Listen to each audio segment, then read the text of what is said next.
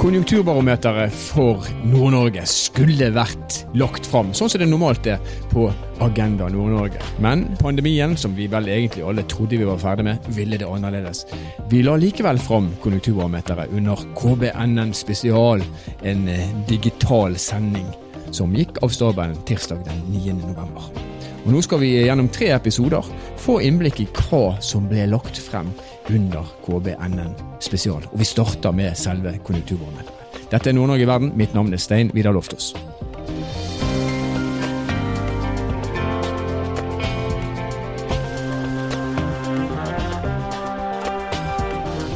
Hjertelig velkommen til eh, KBNN spesial og til lanseringen av årets konjunkturbarometer. Og Det har altså Sparebank1 Nord-Norge lagt fram hvert år siden 1995. Og Barometeret det gir en status på hvordan tilstanden er i landsdelen, kanskje med et eh, hovedfokus på det økonomiske, men det omfatter også mye annet. Hva årets historie er, det skal dere straks få et innblikk i nå. Nå skal dere få møte et eh, trekløver fra nettopp Sparebank1 Nord-Norge, nemlig konsernsjef Liv Bortne Ulriksen, konserndirektør for bedriftsmarkedet Trude Glad og konserndirektør for innovasjon og forretningsutvikling Bjørn Tore Markussen. Og først ut er konsernsjefen. Vær så god, Liv. Når dere hører om konjunkturbarometeret for Nord-Norge, så tenker dere kanskje at jeg skal snakke om næringslivet i nord. Men uten folk så blir det ikke noe næringsliv. Så derfor så skal jeg snakke om folka. Så hvordan står det egentlig til med folk i nord. 482 194. Det er antall innbyggere i Nord-Norge i slutten av juni i år. Da hadde det blitt 300 færre enn det første halvåret av 2021. Den demografiske historien kjenner vi til. Etter en befolkningsvekst i 2010 har inngangen til 2020 vært svakere. Det er langt fra første gang vi som landsdel opplever negativ befolkningsutvikling. Spørsmålet er når klarer vi nå å snu det til vekst denne gangen? Fødselstallene er på det laveste siden nivået i 1950. Vi kan glede oss over et fødselsoverskudd de to første kvartalene i 2021, men det er nok dessverre ingen varig trend. Lavere fødselstall er heller ikke et nordnorsk fenomen. Det gjelder for Norge og Europa for øvrig. Samtidig er eldrebølgen her nå. Og vi som kom fra de store barnekullene i etterkrigsårene, vi lever lenger. Og det endrer den hele demografiske sammensetninga. Neste år er et merkeår for Nordland. Fylket vil i løpet av 2022 ha flere eldre over 65 år enn unge i alderen 0 til 19 år. I 2026 har Troms og Finnmark nådd det samme knekkpunktet. Flere over 65 år enn unge og barn. Kjenn litt på det. For det vil utfordre oss som samfunn her i Nord-Norge vi trenger flere hender innen helse og omsorg, samtidig som det blir færre i arbeid som skal fylle helsejobbene og de andre jobbene som står ledig. For ledige jobber, det har vi. Arbeidsledigheten er nå tilbake på normalen, nesten som vi hadde før korona. Det er selvsagt bra for folk, men det gir både private og det offentlige sine aktører noen utfordringer. Hvordan skal vi rekruttere til landsdelen, til Norge og internasjonalt? Antall ledige stillinger har økt betydelig, og ved utgangen av september hadde vi 4200 ledige stillinger. De fleste innenfor helse og omsorg, men også i bygg og anlegg er det kamp om arbeidskrafta. Rekruttering er en betydelig utfordring, og det har blitt vanskeligere nå på få år. Særlig i Troms og Finnmark. Vi må jobbe mer for å være attraktiv. Vi må jobbe for å sannsynliggjøre mulighetene i landsdelen. Vi må jobbe for at unge skal bli rekruttert inn som arbeidskraft fra andre deler av Norge og fra verden for øvrig. Det må vi jobbe mye hardere med. Kampen om arbeidskrafta er ikke lokal eller nasjonal, den er internasjonal, og konkurransen er blitt tøffere. For hvem skal fylle jobbene? Det første de fleste tenker, er at vi må føde flere barn. Men løsninga er som kjent selvfølgelig ikke den eneste eller så enkel. For se på denne grafen. I flere år har innvandring fra utlandet kompensert for nedgangen, og i enkelte perioder har den bidratt til ei økt befolkning i Nord-Norge. Men det gjorde den ikke i 2019 og 2020. Skal vi møte den demografiske utfordringa, er vi avhengig av innvandring fra utlandet. 12% av befolkninga i nord er innvandrere eller født med innvandrerforeldre. Og den viktigste årsaken til at de kom, var at de hadde fått seg arbeid. På topp troner Gamvik kommune, med nær 30% innvandrere i kommunen. I 2011 så det ut til å gå nedover med befolkninga, men de har klart å rekruttere arbeidsfolk, og fiskeindustrien har snudd utviklinga. Gamvik er en av de kommunene som viser at det går an. Skal befolkningsutviklinga snus til vekst, er, er, vi faktisk helt avhengig av arbeidsinnvandring fra utlandet. Samtidig må vi spørre oss hvem er det som flytter? I 2015 til 2019 flytta hver femte innbygger i nord fra kommunen sin. Og trenden er at flere stadig flytter på seg. Nedgangen er størst i alderen 40 til 49 år, og de tar barna med seg. Det er ingen tvil om at vi må jobbe mer med det som gjør oss attraktive. Skole, barnehage, gode helsetjenester, kulturtilbud, attraktive jobber og boliger. Både for leie og for eie. Vi må bli enda bedre på stedsutvikling. I dag står det over 113 000 personer utafor arbeidsstyrken i Nord-Norge. Det er folk som er under utdanning, det er uføre, det er pensjonister, og det er hjemmearbeidende. Vi snakker mye om de som er utafor, men hva med de som jobber deltid? De er en skjult reserve, og de er mange. Hver fjerde arbeidstaker i nord jobber deltid. Totalt over 62 000 mennesker. Skal vi se til noen som lykkes, så ligger Finnmark og kommunene der helt i landstoppen når det gjelder heltidsansatte. Kanskje har både privat sektor og andre kommuner noe å lære. Utfordringa med å rekruttere, særlig innenfor helsesektoren, er jo noe Finnmark har lang erfaring med.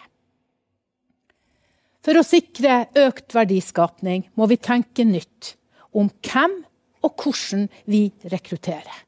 Senere i dag skal vi bl.a. få høre om KSAT, og hvordan de rekrutterer internasjonalt. Og sjøl var jeg for to uker siden i dialog med nesten 50 unge voksne, som i hvert fall ga meg noe å tenke på når det gjaldt rekruttering. Er vi flinke nok til å synliggjøre mulighetene i nord? Perspektivmeldinga fra de unge med refleksjoner rundt det her skal dere få høre mer om seinere i dag. Og så er det én gruppe som står utenfor, og som øker i antall. Det er de uføre. Som samfunn må vi ta inn over oss at antall unge uføre også øker. Vi vet at psykisk helse er den viktigste årsaken og pandemiens virkning har vi enda ikke sett konsekvensene av. Når vi snakker om muligheter og verdiskapning i landsdelen, så må vi også snakke om nordnorsk folkehelse. Nord-Norge skiller seg ikke ut i negativ forstand når det kommer til helsetilstand, men det er tre ting vi må tenke på.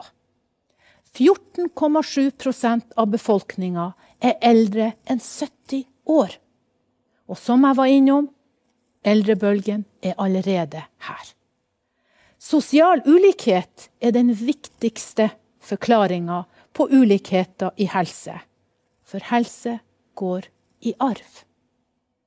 Barn og unge er framtida, og her er det særlig ei gruppe vi må ha med oss. Vi har 7900 barn i landsdelen som lever i familier med vedvarende, vedvarende lav inntekt. Og til sist, men ikke minst, kun 84% av landets kommuner har et kommunalt helsestasjonstilbud. Og Nord-Norge har dårligst tilbud i hele landet. Tilbudet er viktig for å forebygge sykdom og skader, og for å fremme god psykisk helse. I Barometer X spurte vi unge under 34 år hvilke tjenester er viktigst for dere. Og de svarte uten tvil helsetjenester er det vi er mest opptatt av. Og vi skal ta med oss at de som var minst fornøyd, bor i distriktene. Og de som tror de har flytta innen fem år, er de som er aller minst fornøyd med helsetilbudet. Vi skal få høre mer om helse i dag. Jeg vil avslutte med de unge. Hva er viktig for dem? Hva mener de skal til for at vi skal bli flere, og at det skal bli flere som har lyst å komme til landsdelen vår. Vi som er her i dag, har et felles ansvar. Vi må gi de unge en reell mulighet til å påvirke. I Barometer X oppgir bare én av fire i alderen 19 til 34 år at kommunen og fylket inviterer og motiverer til aktiv deltakelse. Det er tall vi kan gjøre noe med. La oss begynne i dag.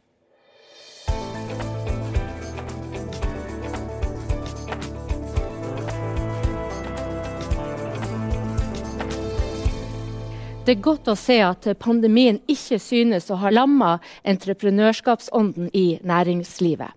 I 2020 ble det etablert 2565 selskaper med personlig eierskap.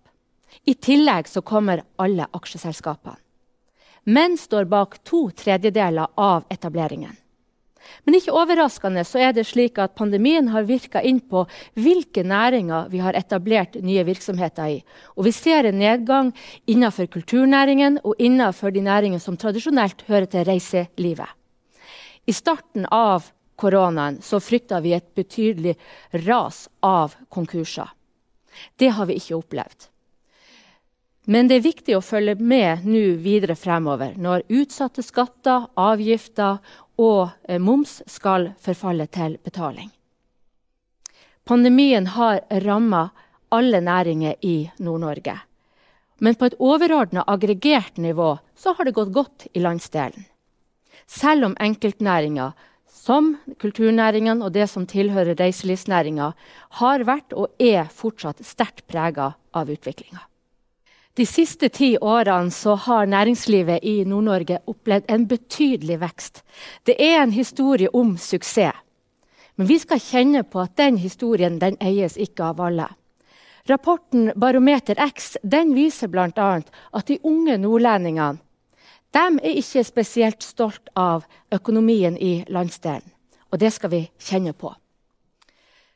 Hvem er det da som eier dette næringslivet i Nord-Norge som går godt? En kartlegging viser at eierskapet blant nordnorske aksjeselskaper ja, der er det privatpersonene som eier 80% av det.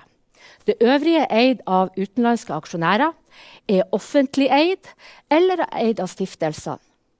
Og Nord-Norge skjeller seg ut ved at landsdelen har en høyere andel privat eierskap og en høyere andel lokalt eierskap. 60% av de sysselsatte i Nord-Norge jobber i en virksomhet som er eid av privatpersoner. Og 50% av de sysselsatte jobber i en virksomhet som er eid av privatpersoner og som er på nordnorske hender. Sterke lokale eiermiljøer som er tett på virksomhetene, og som har lokalkunnskap, det er en viktig dimensjon med vår næringsstruktur. Det er veldig godt å se at pandemien ikke synes å ha lamma entreprenørånden i næringslivet. I 2020 ble det etablert hele 2565 nye selskaper. Og kanskje litt overraskende så er hele 97% av dem enk, eller det vi kaller for enkeltpersonsforetak. To tredjedeler av nyetableringa er det menn som står bak. Men ikke overraskende så har pandemien også påvirka i hvilke bransjer disse nye virksomhetene er etablert. Vi ser en nedgang innenfor næringer som kultur og det som tradisjonelt er reiselivet. I starten av koronaen var det mange som frykta at vi ville se ei stor bølge av konkurser. Men det har vi ikke opplevd. Men det er grunn til å følge utviklinga tett nå, for nå skal utsatte skatter, avgifter og moms eh, betales. Det er rett å si at pandemien har ramma alle næringer i Nord-Norge. Men overordna, på et aggregert nivå, så er det slik at det har gått godt med landsdelen. Selv om enkeltnæringer innenfor kultur, innenfor reiselivet, har vært og er fortsatt hardt ramma. Men så har vi andre næringer som har gått godt, og som har opprettholdt veksten fra før koronaen kom. En av de næringene er sjømatnæringa. Og her var eksportverdien i 2020 på det nest høyeste nivå noensinne. Og 2021 ser ut til å bli et rekordår. Per september er det landa 800 000 tonn villfanga fisk i Nord-Norge. Det er en tredjedel av alt volumet som er landa her i Norge. Og det er en vekst på over 20% fra i fjor. Og så var det laksen, da, som fremstår da som en global koronavinner. Til tross for at vi har hatt markedsmessige utfordringer og logistikkutfordringer. Hittil i år er 46% av all slakta laks i Norge den er slakta i Nord-Norge. Og det er en volumøkning på 25 andre næringer som har gått godt det, under pandemien, det har vært varehandelen, som i fjor hadde en vekst på 8% Inngangen til dette året har vært litt svakere. Og det skyldes at vi har fått et åpnere samfunn, og vi som forbrukere vi har vridd konsumet vårt fra varer til tjenester. Og så er det verdt å legge merke til at netthandelen har økt med hele 39% i løpet av fjoråret. Og Det forteller oss hvor viktig det er for nordnorske virksomheter å ha en digital tilstedeværelse i tillegg til å bygge lokal tilstedeværelse. Bygge- og anleggsnæringa er viktig for nordnorsk økonomi og klarte i stor grad å opprettholde aktiviteten gjennom fjoråret. Igangsatte byggeprosjekter i fjor det utgjorde hele 780 000 kvadratmeter bruksareal.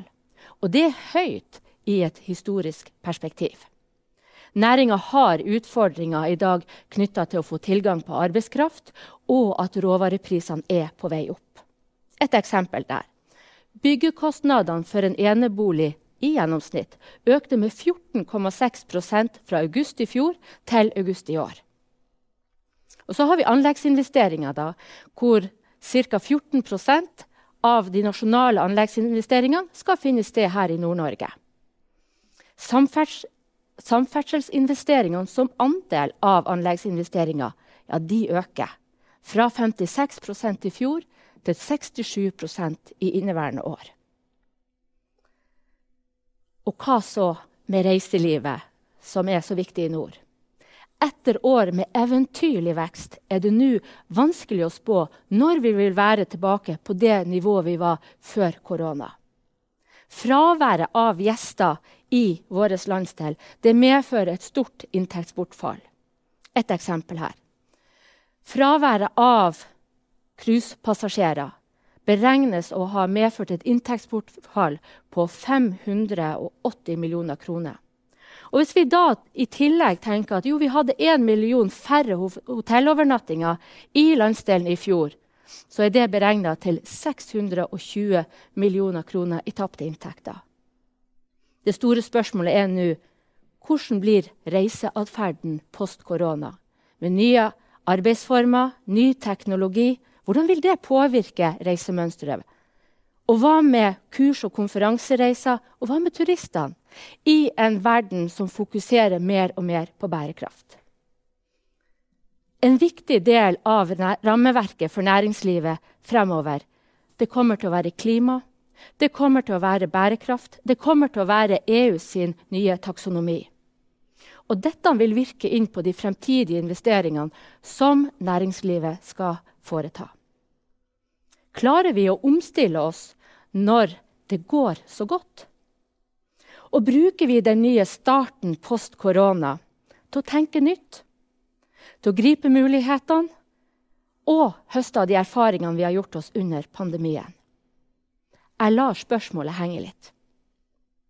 I tillegg så har vi ei ny næring her i nord som er høyaktuell. For her i denne landsdelen så har vi betydelige energiressurser. Og det gir grobunn for ny industri. Og det skal han Bjørn Tore snakke mer om.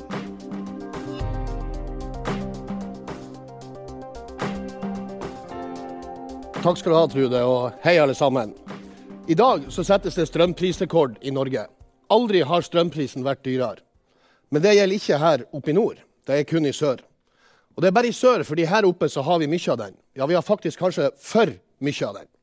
Og det er de her energiressursene som nå skaper et fantastisk grunnlag for nye utslippsfrie næringer, og som bidrar til veien mot et lavutslippssamfunn. Kraftoverskuddet vårt, som følger av en begrensa overføringskapasitet sørover, og ut av landsdelen, skaper nå eksempler på store industrielle satsinger som vi ikke har sett på tiår i nord.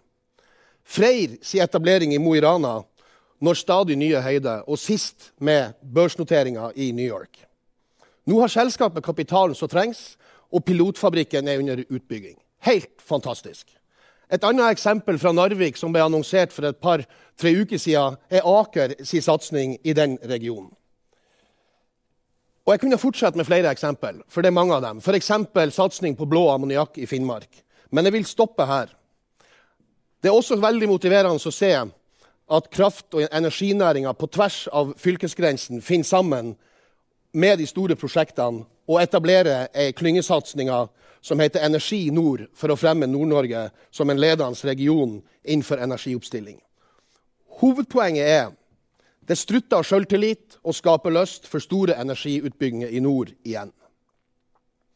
Og store energiutbygginger har vi hatt før. For 100 år siden starta vi med vannkrafta.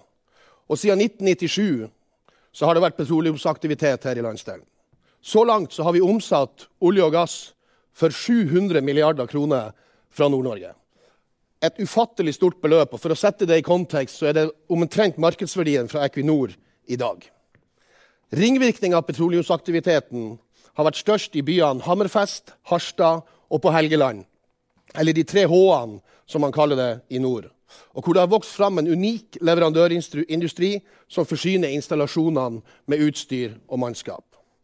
Og Denne leverandørindustrien er viktig for landsdelen vår. Den leverte f.eks. verdier, varer og tjenester for nærmere 3,8 milliarder i 2020 og sysselsatte 1700 årsverk. Men ikke bare er de viktige for sysselsetting og, og, og omsetning. Denne næringa har også bygd opp unik kompetanse over tid. Helse, miljø og sikkerhetskompetanse for operasjoner i Arktis og med spesielle krav til dokumentasjon, sertifisering og digitalisering er det mest åpenbare. Men det som er spesielt spennende nå, er at denne unike fagkompetansen er også nå et klart konkurransefortrinn også som bidrag til andre industrier og som ei drivkraft i å løfte frem det grønne skiftet. En annen fantastisk vekstnæring i nord, og som hun, eh, Trude var inne på, er selvfølgelig oppdrettsnæringa. Dette er en næring som er helt avhengig av teknologi for å løse miljø-, og arealutfordringer i de neste årene. Teknologiløftet i denne næringa drives bl.a. frem gjennom offentlige tildelinger av utviklingstillatelser. Et sånt fantastisk eksempel på ny og bærekraftig teknologi er lukka mæreprosjektet som heter Fjordmax, som utvikles av konsernet Sallaks i Salangen. Sju sånne utviklingstillatelser er nå er gitt til Nord-Norge og er under vei. Til sammen utgjør disse, disse tillatelsene en biomasse på 36 000 tonn når de er i produksjon. En kompetanse som er spesielt viktig å adressere for landsdelen i årene fremover, er den digitale kompetansen. Skal vi opprettholde konkurransekrafta, så må disse kompetansene styrkes både i det offentlige og i det private, og spesielt som tilbud fra våre utdanningsinstitusjoner. I Konjunkturbarometeret sier én av fire bedrifter at de har lav IKT-kompetanse, og at dette rammer bedrifter i verdiskapning og vekst. Lav IKT-kompetanse i dagens mer og mer digitaliserte konkurransearena gir lavere produktivitet, og risikoen for å bli skjøvet ut i kulda av konkurrenter øker naturligvis. Vi vet også at helse- og omsorgssektoren er helt avhengig av teknologi i tida fremover for å imøtekomme den omstillingene som de skal gjennom. Sett i lys av dette og det behovet som næringslivet gir tilbakemelding om, så må vi spørre oss sjøl om vi utdanner nok i forhold til dette dokumenterte framtidsbehovet. I fjor var det f.eks. bare 1500 elever på teknologi og industrifag i videregående skole. Sett opp mot 4000 på studiespesialisering. Vi må spørre oss sjøl om ikke et enda tettere samarbeid mellom næringsliv og utdanningsinstitusjoner på mange nivå må til i årene fremover. For vi vet jo at de neste årene så står næringslivet og det offentlige overfor en betydelig grønn omstilling. Og det er åpenbart at vi må ha de riktige folkene og den riktige teknologien skal vi evne å posisjonere oss fremover. I dag i Glasgow så strever verden med å finne veien mot et lav- og nullutslippssamfunn i fremtida. 2050 er brukt av de fleste som et kritisk året hvor, hvor verden må gå i nullutslipp. Og dit er det bare 10 000 dager, folkens.